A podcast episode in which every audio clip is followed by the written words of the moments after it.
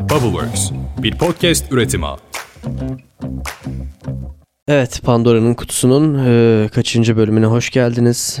Bugün yakinen tanıdığınız, sizin de daha önce programıma konuk olan kadim dostum Ersin Ozan Sert'le birlikteyiz. Ozan hoş geldin. Hoş bulduk. Ayağına vurdum affedersin. Önemli değil. Bugün Ozan'la sivil toplum kuruluşları ile ilgili konuşacağız. Zira çünkü Ozan sivil toplum kuruluşlarını hocam yalayıp yutmuş diyebilir miyiz? Denilebilir evet. Denilebilir. Evet, hoş geldin tekrar. Teşekkür ediyorum geldiğin Hoş için. buldum ben teşekkür ederim. Bu çok böyle şey yapamıyorum. Ben girişleri de artık yapamıyorum galiba. Eskiden çıkışları yapamıyordum. Şimdi girişleri de yapamıyorum. Bir girmiş bulunduk. Bu okey mi bizim için? Ya okey İstanbul. Fly me to the moon. Let me play among the stars. Konumuz STK'larla ilgili olacak. Bubbleworks olarak zaten gündemimizi şu anda deprem ve depremle ilişkili konular olarak belirledik. Bir süre daha bu şekilde gidecek ve ben kendi payıma da sivil toplum örgütlerinin benim konum olabileceğini düşünerek bunu seçtim. Ozan da sağ olsun geldi konuk oldu. Şeyden başlayalım mesela sivil toplum kuruluşu dendiği zaman şimdi STK sivil toplum kuruluşu bunlar belki günlük hayatımızda çok sık duymadığımız kelimeler olabilir ya da e, varlık göstermemiş olabilir, göstermiyor olabilir. Nedir sivil toplum kuruluşu? Bence çok güzel bir konu. Yani deprem nezdinde olmadan da güzel bir konu bence tartışılabilecek bir konu. Çünkü büyük bir şey var aslında. Yani STK'lar, Türkiye'deki STK'lar ve Türkiye'li insanların STK'lara olan bakış açısı, işte devlet otoritelerinin, yerel yönetimlerin STK'lara olan bakış açısı, halkın STK'lara olan bakış açısı birazcık konuşulmalı ve açılmalı bence ki aslında hem deprem nezdinde hem de güncel yaşamda yer bulabilmesini istediğim bir kavram. Ya tabii özellikle biz gündem olarak da çok yani hakikaten çok yoğun derişik gündemi olan bir ülkeyiz. Bizim ülkemizde konu havuzuna elinizi atın ve herhangi bir konu seçin çıkartın. Uluslararası arenada farklı bir şeyler konuşurken bizim ülkemizde aynı konuyla ilgili apayrı şeyler konuşuluyor olabiliyor. STK'larla ilgili de aslında yani internasyonel alanda STK'ların yaptığı çalışmalar o internasyonel alanda yine STK'larla ilgili görüşler yapılabilecek konuşmalar farklıyken bizim ülkemizde e, apayrı şeyler konuşulabiliyor. Bizde ülkece daha önce STK'larla ilgili vakıflar, Hı hı. cemaatler vesaire bunlar da Evet. bir nevi STK'lar. Bunlarla ilgili yaşadığımız şeyler oldu. Bunlara geleceğim. Bunlardan önce şeyi sormak istiyorum sana. STK'ların çalışma alanları nedir? Neler yaparlar mesela STK dediğimiz Yani- örgütler? Her konuda çalışabilirler. Uzmanların bir target grup olması lazım. Hedef kitle olur. STK'ların çalıştığı bir hedef kitle olur ve o hedef kitlenin alt kırılımları olur ve o alt kırılımların ihtiyaçları ve hassasiyetleri genelinde bir çalışma güdümlenir bir grup insan tarafından. Bu amaç ve hedef doğrultusunda bu insanlar örgütlenir ve bu STK dediğimiz sivil toplum kuruluşları, vakıflar, dernekler gibi organizasyonları oluştururlar. Teknik olarak böyle söyleyebilirim. Anladım. Yani sanıyorum ama benim yaptığım araştırmada en çok gördüğüm şeylerden bir tanesi işte şeyler. Sağlıkla ilgili yapılan araştırma. Genelde insani ihtiyaçlar, insanların temel ihtiyaçlarını Evet. karşılamayla ilgili çok fazla e, STK var. Uluslararası alanda çalışan çok ünlü STK'lar var. Burada isim verebilir STK'larla ilgili isim verebiliriz değil mi? Ya işte Greenpeace var mesela. Hı hı. Burada da çok sık gördüğümüz beni sürekli arıyorlar. Yani işte bu ay biraz daha fazla yardım yapmak ister misiniz Sokakta diye. önünü kesiyorlar. Evet, sokakta önünü kesiyorlar. Kredi kartınızdan sadece şu kadar Evet. falan diye. Eğitim alanında çok fazla STK var. Şeyden bahsetmek istiyorum. Yani bir pejoratif bir algı var STK vakıflar ve derneklerin. Pejoratif nedir? Tam Türkçe karşılığı böyle kötücül bir bakış açısı var. Hani bence bu zamanında gerçekleşen bu cemaat yapılaşmaları, sağlıksız yardımlaşma düzenleriyle alakalı, talihsiz Hı hı, geçmişte hı hı. yaşanan olaylarla alakalı olabilir. Yani STK'larla birlikte bence şeyden de bahsetmek çok önemli. Yardım etme düzenleri. Yardım etmek güdülü organizasyonlar bunlar ve yardım etmenin ne demek olduğunu ve nasıl yapıldığı da aslında profesyonel bir iş kolu. Katılıyorum. Yani biz birkaç hafta önce canlı yayında yardımını yapmak için, canlı yayına bağlanmak için direten insanlar topluluğuna tanıklık ettik. Galiba bu tarz bir şeyden de bahsediyorsun ya da bu söylediğim şey buna dahil olan bir şey. yani için, Daha öncesinde Evet. Verenel ve Alari'nin birbirini görmediği bir işte dini belki bir düzenden şimdi daha farklı bir düzene doğru gidiyoruz. Bunların hepsi dahil bizim konuşacağımız alanlar. Aslında ben tabii ki bu politik tarafına belki konunun en sonunda girmek istiyordum fakat STK'larla ilgili konuşmaya başladığımız zaman politikayı bunun içinden çıkarmak biraz güç oluyor sanıyorum.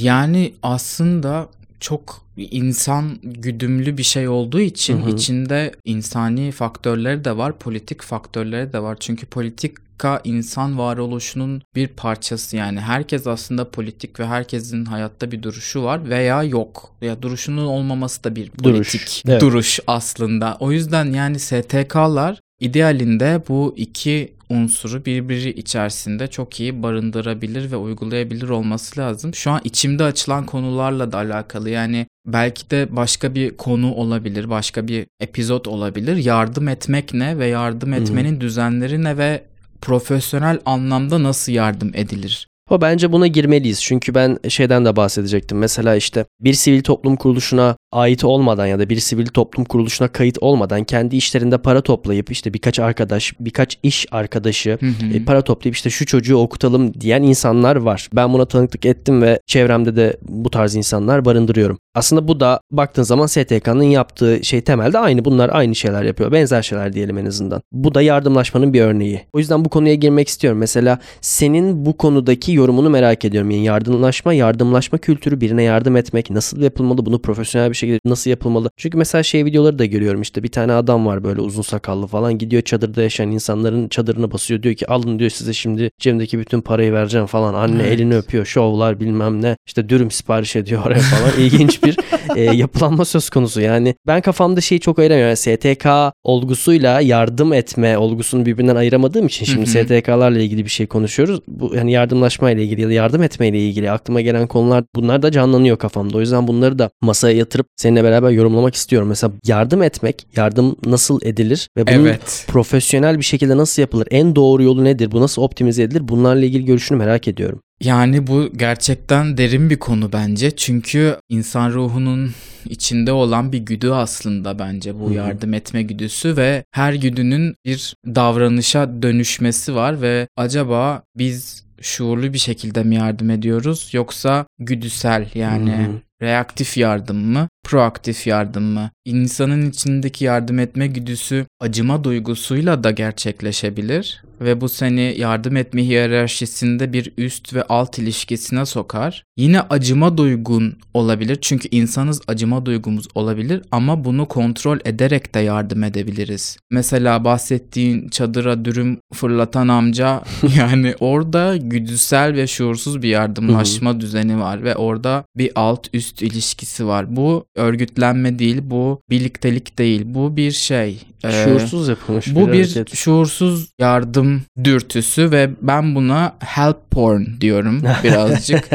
Ee, hani böyle sosyal ihtiyaçlarının mastürbasyonu gibi bir şey gibi hani anlatabiliyorum böyle o anlık ve o kadar bitiyor. Hani yapıyor ve bitiyor ama aslında böyle bir davranıştan sonra çadırdaki insan Çadırdaki insan olmak ve mesela. onun yerine düşünebilmek ve onun impactidir. Yani niyetin tabii ki de çok iyi ama impact ne? Yani oradaki etki ne? Çok olumsuz örnek var. Oradaki insanın ihtiyacı 2 saat boyunca karnının açlığını gidermek evet ama aslında profesyonel yardımlaşma o etkinin yani ya- yapılan yardımın etkisini de araştırmak ve olumlu bir impact bırakmak. Yani o sürdürülebilir bir yardım değil. Ki böyle bir yardımlaşma yardım yapan kişiyi de tüketir ve karşı tarafa da bir aslında hiyerarşik bir üstünlük sağlar. Bir yere varmaz yani onu demek istiyorum. Yani belki gözle görülür bir e, olumlu etkisinin yanı sıra uzun vadede belki zarar verebileceği. Çokça zaman Hı hı. bu tür dürtüsel yardımlaşma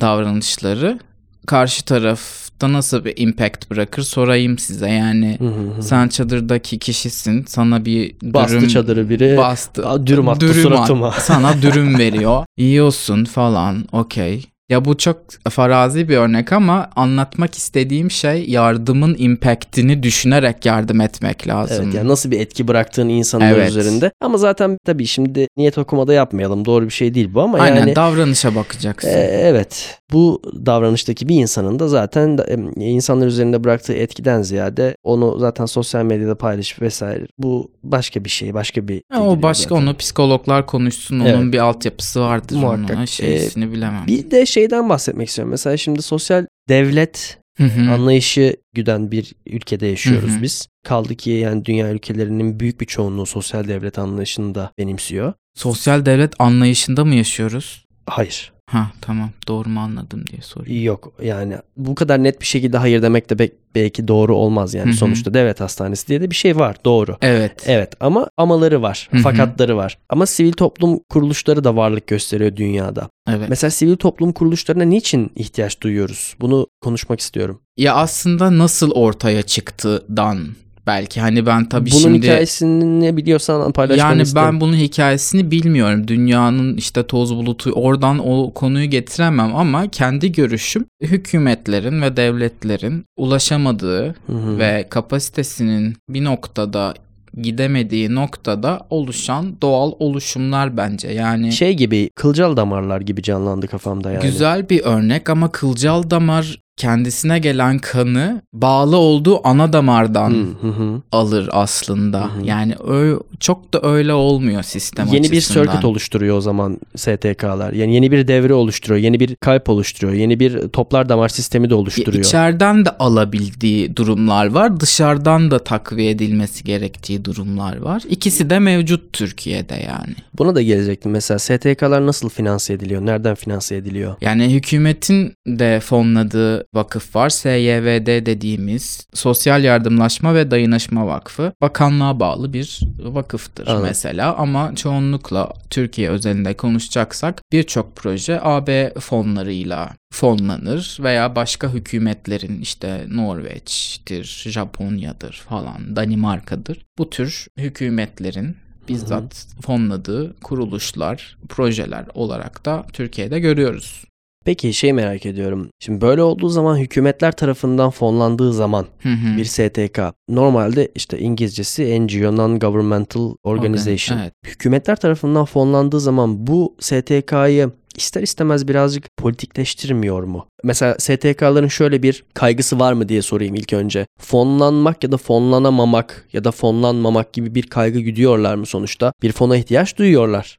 Ya evet yani her STK'nın bir böyle advokasisi yani hak arayışı yaptığı bir konu vardır. Hı hı. Atıyorum mülteciler, atıyorum LGBT plus bireyler için çalışan STK'lar, atıyorum spastik çocuklar için çalışan kuruluşlar, vakıflar Hı hı. vesaire. Yani hepsinin aslında orada bir yaptığı hak arayışı vardır ve bu hak arayışı etrafında projeler yazarlar. Oradaki bu projeye ve bu advocacy'ye fon veren yerlere başvururlar. Ancak tabii ki de bazı kuruluşlarda olabiliyor, şöyle olabiliyor. Atıyorum şu hükümet veya şu fon sağlayıcı kuruluş bu sene 2023 senesinde Birleşmiş Milletler'in 13 tane gelişme şeyi var ya Social Development Goals Hı, hedefleri. hedefleri. Bunlar etrafında atıyor ki 2023 senesinde Türkiye'de kuraklık alanında çalışan STK'lara ben burs açıyorum. Yani fon veriyorum. Burs yanlış kelime. E şimdi yani o fonu almak için böyle çok da alanında olmayan STK'lar, dernekler bu noktada fonu alabilmek için proje yazdırıp başvurularda bulunabiliyorlar. Evet böyle örnekleri var anlıyorum. Okey politikayla STK'ların kesişim kümesine tekrar geri döneceğim ama şeyden bahsettin işte yani gelişime açık olan taraflar geliştirmekle ilgili Hı STK'ların destekleyebileceği taraflardan. Mesela şöyle bir tartışmaya, münazaraya denk geldim bunun araştırmasını yaparken. Gelişmekte olan ülkelerdeki STK'ların varlık göstermesi şöyle bir debate'e gebe olmuş. Diyorlar ki STK'ların varlığı sebebiyle hükümetler yapmaları gereken işleri daha az yapar hale geliyorlar ya da aynı konuya daha az fon harcıyor hale geliyorlar. Hı hı. Mesela örnek odur ki Afrika'daki yardımlar şundan bahsediliyor. İşte STK'lar UNICEF'in yardımlarından sonra bebek ölümlerinin sayısı çok ciddi miktarda azalıyor. İşte aşılama ve e, mama yardımı, yiyecek yardımı ile birlikte. Fakat baktığımız zaman UNICEF'in yardımından önce ve sonra kıyasladığımızda Afrika'daki devletlerin ya da hükümetlerin konuyla ilgili ayırdıkları fon ciddi miktarda düşüş göstermiş. Bununla ilgili mesela ne düşünüyorsun? Kesin olarak söylenebilir ki bir katkısını görüyoruz Evet. STK'ların. Fakat az önce sorduğum sosyal devlet anlayışını güdüyor birçok devlet fakat sivil toplum kuruluşlarına ihtiyaç duyuyoruz. Şimdi burada işte ben bir çelişki görüyorum. Yani sosyal devlet evet işte vergi toplanıyor vatandaşların bir şekilde ihtiyaçları karşılansın diye. Fakat farklı şekillerde fon toplayan sivil toplum kuruluşları belki kendi içinde kendini fonlayan sivil toplum kuruluşları bu görevi yaptığı zaman bu sefer sosyal devletin yapması gereken işlere ayrılan fonların başka taraflara akıyor olması. Burada mesela ben bir çelişki görüyorum. Yani bu tabii ki hükümetin izlediği politikada da bir hata görüyorum bu konuda. Ya da sivil toplum kuruluşları bu konuyla ilgili neler yapıyor ya da neler yapabilir. Ben birey bazında hiçbir şey yapamıyorum bu konuda. Konu odur ki o yüzden söylüyorum. Deprem vergilerine ne oldu diye soruyoruz mesela. Cevap alamıyoruz. Bununla benzer alanlarda sivil toplum kuruluşlarının çünkü örgütleşmek bu anlamda bireyin çıkartabileceği sesten çok daha yüksek bir ses çıkartmayı sağlıyor. Sivil toplum kuruluşları bu alanda neler yapabiliyorlar?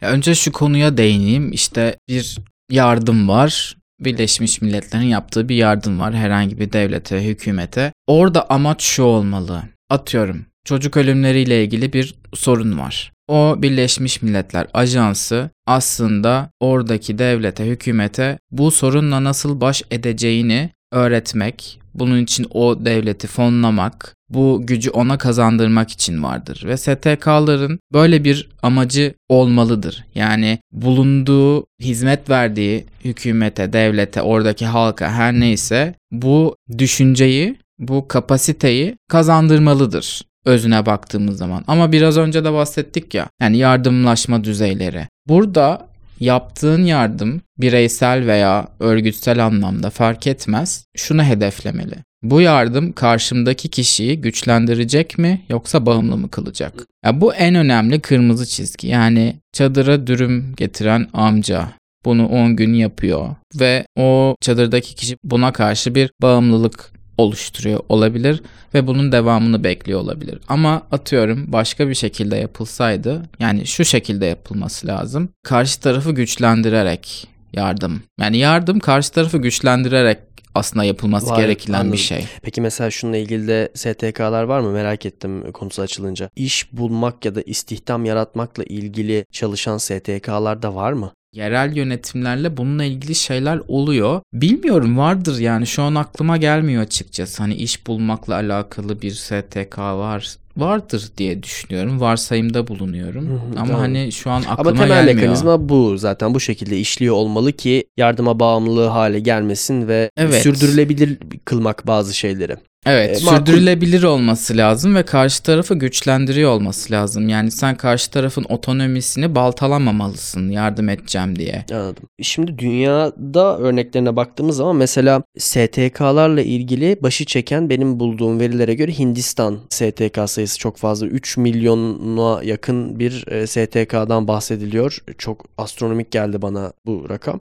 Daha sonrasında işte Amerika Birleşik Devletleri 1 ila 1,5 milyon STK ile takip ediyor. Daha sonrasında Fransa 1.3 milyon, Avustralya, Almanya, Brezilya, Peru. Türkiye'de 184 bin kayıtlı STK olduğu verisine ulaştım. Neyin STK olup olmadığını ayırt etmek için söylüyorum. İlk başta da söyledik. Cemaatler, vakıflar da Hı hı. STK'ya dahil olan taraftalar. Bunlar da STK. Fakat biz burada birazcık travmaları da olan bir ülkeyiz. Yani cemaatler, vakıflar dendiği zaman. Evet. Yani travma mı o? Yaralanmış bir ülkeyiz gibi daha evet çok. yani daha öncesinde yaşadığım işte Deniz Feneri Hmm. ya da işte Fethullah Gülen cemaati ile ilgili. Fethullah Gülen cemaatinin yarattığı boşluğu yeni bir ton yedi kollu cemaatin doldurması. Şu an İç Anadolu'da türlü türlü cemaatlerin gençleri belirli şekillerde yönlendiriyor olması vesaire. Bunlar tabii ki politik de konular Hı hı. baktığınız zaman. Yani mantıken gelişmekte olan ülkelerdeki STK'ların daha fazla olduğu mantıklı. Yani demek ki desteklenmesi gereken daha çok konu var ve ayırt edilmemiş veya hizmetin ulaşmadığı, yardıma ihtiyaç duyan kişilerin fazlaca olmasıyla alakalı olabilir diye düşünüyorum. Evet ama mesela az önce saydığım listede baktığımız zaman e, birinci sırada Hindistan var. Evet yani Hindistan'ı gelişmekte olan ülkeler kategorisine koyabiliriz. Fakat ikinci ve üçüncü sırada da işte Amerika Birleşik Devletleri ve Fransa var. Ya bu ülkelerdeki STK'lar kendi içinde ihtiyaç duydukları için mi yoksa diğer ülkelere yardım etmek için mi var oluyorlar? Yani Amerika Birleşik Devletleri'nde bu kadar sivil toplum kuruluşlarının olması hadi onu da geçtim. Amerika'nın Avrupa ülkeleriyle kıyaslandığı zaman çok farklı bir yapısı var. Orada yine açık Türkiye'deki gibi çok fazla yani çok zenginler ve çok fakirler var. Ama Fransa'ya baktığımız zaman ya da Avrupa Birliği ülkelerinin diğerlerine baktığımız zaman keza Almanya'da listede vardı. E bu ülkelerde bu açık bu kadar fazla değil. Yani Hindistan kadar ya da Türkiye kadar böyle bir ihtiyaç olduğunu düşünmüyorum mesela ben. Buradaki STK'ların sayısının fazla olmasını neye bağlayabiliriz? Yani dediğin şey mantıklı ve benim de gözlemlediğim bir şey Amerika için veya Fransa içinde bulunan STK'ların genellikle diğer ülkelerde operasyonları daha fazla oluyor. Kendi içlerinde de vardır tabii ki ama genellikle işte ana ofisleri kendi ülkelerindedir ve diğer ülkelere işte gelişmekte olan ülkelere Yardım operasyonlar daha fazladır. Peki Türkiye'de 184 bin e, civarında bir STK sayısı olduğundan bahsettik. Ama ben mesela şeyi çok fazla göremiyorum. Yani kıyas da yapamıyorum doğrusu. Sen yani yurt dışın bazlı olan STK'larda da daha önce varlık gösterdin. Belki birçoğunda hatta yani şu an en çok tanınan STK'ları saydığımız zaman. Kıyası o yüzden sen daha rahat yapabilirsin. Türkiye'de STK, sivil toplum kuruluşu, sivil toplum örgütü olmanın kültürü neden biz oturtamadık bunu? Ya da vardı da mı sonrasında yok oldu parçalandı? Ya da ihtiyaç mı azaldı ki zannetmiyorum? Ya da bunun sebebi ne olabilir? Yani biz bunu neden başaramadık? Yani şu an baktığımız zaman işini hakikaten iyi yapıyor diyebileceğimiz STK'lara baktığımız zaman e, güncel olduğu için mesela Ahbab'ı söyleyebiliriz belki. Ahbab'a bile medyanın bir kanadı çok yüklenmeye başladı mesela ki elle tutulur herhangi bir yanlışı Saptanmadı. Evet ama buna rağmen bir işte karalama kampanyası yapıldı. Tabii ki bunun politik çok fazla sebebi var. Birazdan ulaştığım verilerden de bahsedeceğim konuyla ilgili yapılan araştırmada. Bunu biz neden yapamadık ya? Biz Türkiye'de bu sivil toplum örgütünü, örgütleşme işini niçin yapamadık? Türkiye'nin e, siyasi altyapısından dolayı mıdır bu? Ya aklıma şöyle şeyler geliyor sen bunları sordukça. Tabii ki de Türkiye'nin sahip olduğu o sosyopolitik yapılaşma ve bu insanların zihnindeki STK algısıyla birlikte belki çok fazla hani yurt dışındaki ekollerin Türkiye'ye vermiş olduğu yardımlaşma yani farklı düzenler ve farklı zeminler var bence. Yani hani çeviri eğitimler ve çeviri kanunlar vardır ya hani o e, olayı atıyorum Fransa'daki şeyi direkt alıp Fransa'da uyguladığı şekliyle Türkiye'de Türkiye'ye uygulamaya çalışmak. uygulamaya çalışmak. Ve bu olmuyor. Belki bununla alakalıdır. Listeliyorum zihnimde şu anda. İşte Türk halkının STK'lara ve örgütlenmeye karşı olan anlayamadığım bir fobisinin olabileceğini düşünüyorum ama bunun araştırılması lazım. Belki yazılmış bir tez, bir araştırma vardır. Şu an afaki konuşuyorum. Aklıma bu geldi sen bunu sorunca. Yani her zemine uygun uygulama şekilleri farklı olmalıdır ki atıyorum çok tarih bilgim iyi değil ama yani Osmanlı zamanında yardımlaşma kuruluşları işte yardımlaşma güdüsü çok kuvvetli olan bir milletiz aslında. Yani Evet tabii canım Osmanlı kaynaklarına baktığımız zaman hani türlü vakıflar var. Evet Yani ve çok köklüler. Sadece sokak hayvanlarını e, beslemek için yani o dönemde var Evet, olan evet. vakıflar var. Halbuki baktığımız zaman coğrafyanın kültüründe var olan bir sistem. Ya dediğim gibi yani işte yangın oldu böyle millet orman söndürdü bu ülkede. Evet, evet, yani evet. hani bu bilmiyorum başka bir Avrupa ülkesinde olsaydı sosyal devlet işte çünkü hizmetleri zaten sağladığı için Hı hı. belki insanlar televizyona bakıp "Aa, zaten bunu söndürecekler ve bu konuda müdahale etmeme gerek yok diye oturuyorlar koltuklarında ama belki de yani bu ülkenin güdülenme, yardımlaşma güdülenmesi ve böyle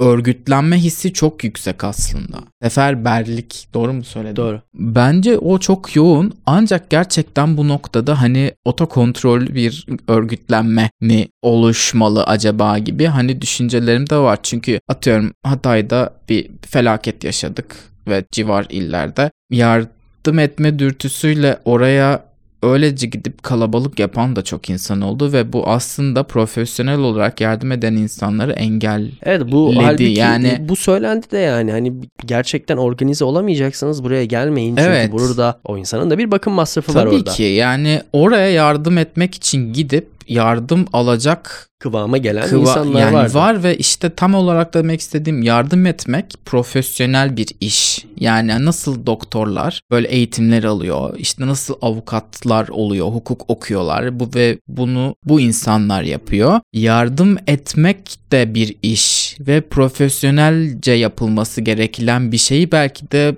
bizim insanlarımızın çok çok iyi bir şekilde öğretilmesi gerekiyor. Evet anlıyorum. O- Yani İşte yardım etmek var, yardım etmek var. Anladım. Yani bizim organizasyonda eksiğimiz var o zaman. Benim yaptığım çıkarım bu. Çünkü birey bazında yardım etmek bizim ülkemizdeki birçok insanın kendi içinden güdülenerek motive olduğu Evet. bir şey. Depremden bahsettik Evet. mesela. Deprem sonrasında belirli kuruluşlara onunla ilgili şimdi istatistiklerden de bahsedeceğim. Yani %89 oranında bir nakdi yardım yapmış insanlar. Böyle bir ekonomik Hı hı. krizin içerisindeyiz ve %89 oranında toplumun %89'u nakdi yardım yapmış. Bunun dışında yani o geri kalan %11'inde aynı yardım yapıp yapmadığını Fiziksel bilmiyoruz. olarak. Fiziksel yardım orada yapanlar da var çünkü yani bunların kesişim kümeleri var. Çok büyük bir dayanışmadan bahsediyoruz. Evet. Birey bazında evet biz belki e, kendi kültürümüzde bunu çok fazla yaşatıyoruz. Fakat bizim galiba organize olmakla ilgili bazı problemlerimiz var. Şimdi depremle ilgili bir konuya giriş yaptık. Tabii ki yani bu bizim gündemimiz şu anda. O konuyu da Evet. zaten oraya getirmek istiyordum. Şimdi bununla ilgili mesela bazı istatistiklerim var. Onlardan bahsetmek istiyorum. Az önce zaten bir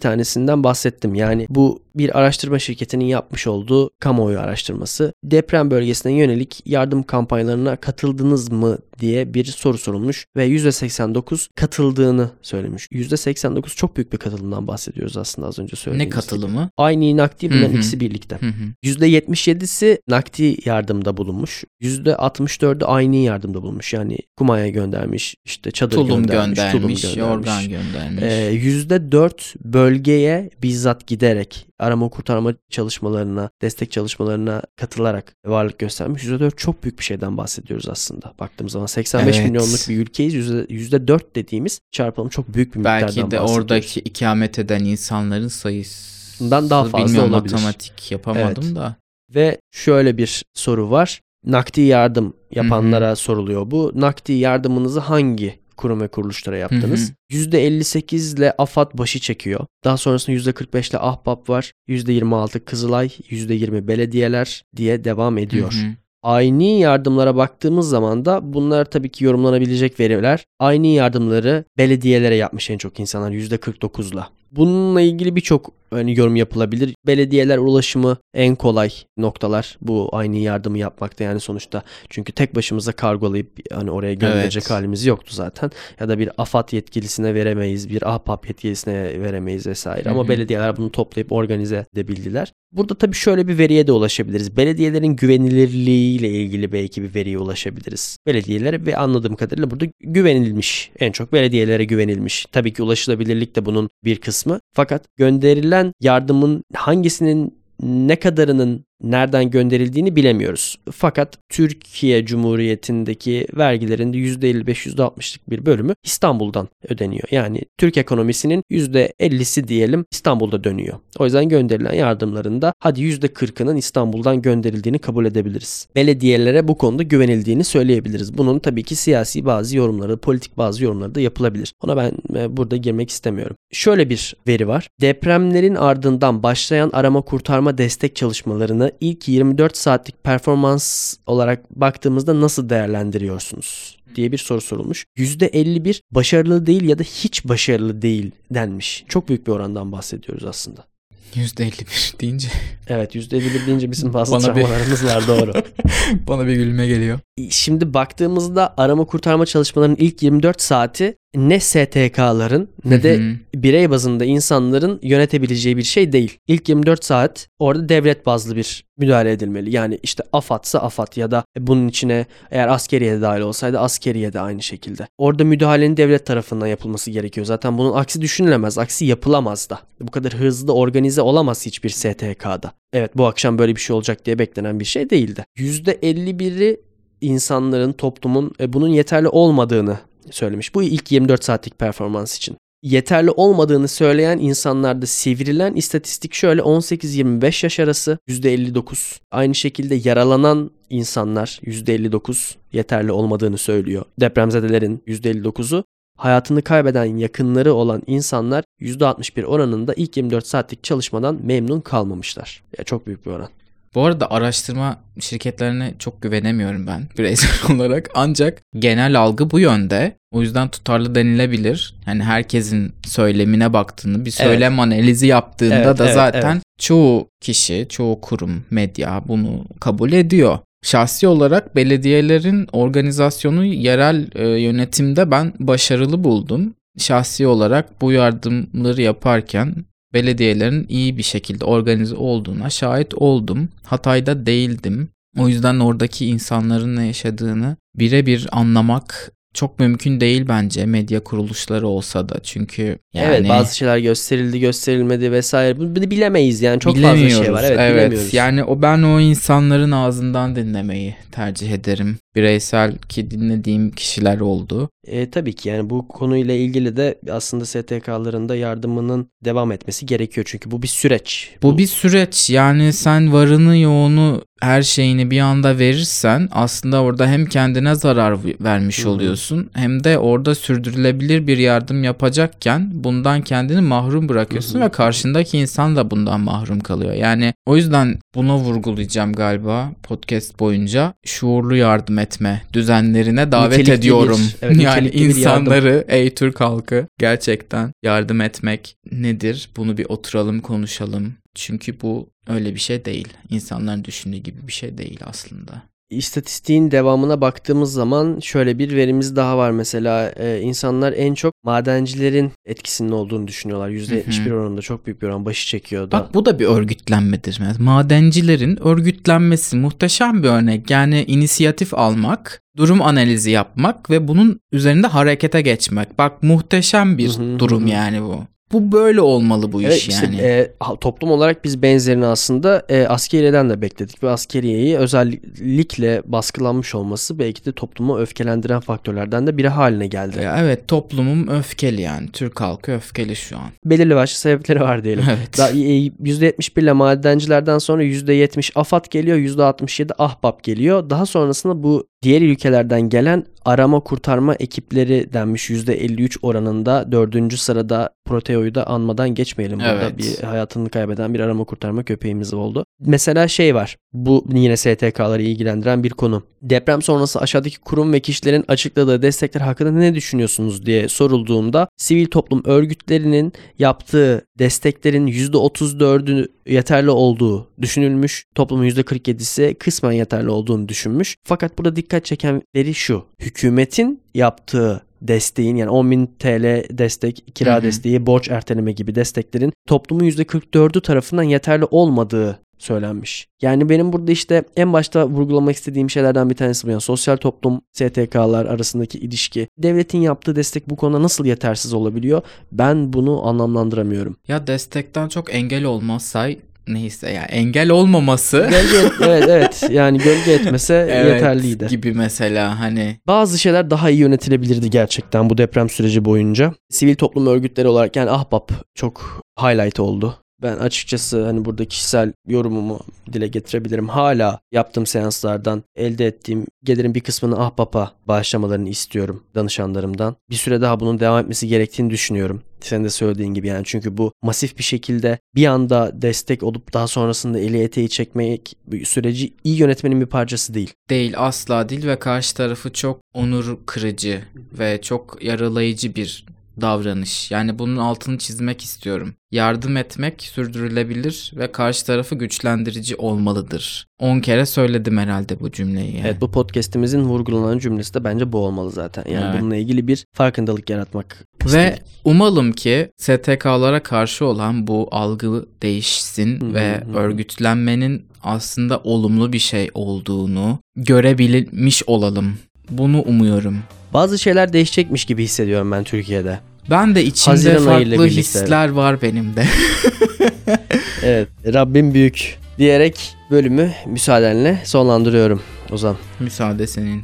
Evet arkadaşlar Pandora'nın kutusundan size yine dilimiz döndükçe bir şeyler dilim dönmüyor artık ama dilim dönemedi. Dilimin dönmediği şekilde bir şeyler anlatmaya çalıştık. Bir sonraki bölümde görüşmek üzere diyorum. Onunla ilgili bir duyurum vardı size. Fark edeceksinizdir ki bu bölümle birlikte biz haftada bir bölüm yayınlamaya başladık. Önümüzdeki hafta görüşmek üzere. Yine çarşamba günleri bizim yayın günümüz. Çarşamba günü görüşmek üzere diyorum.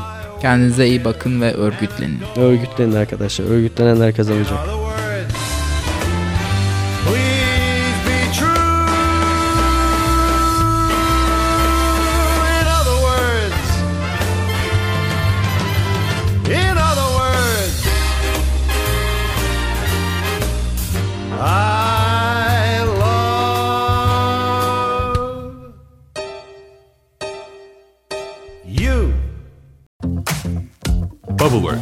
bir podcast üretimi.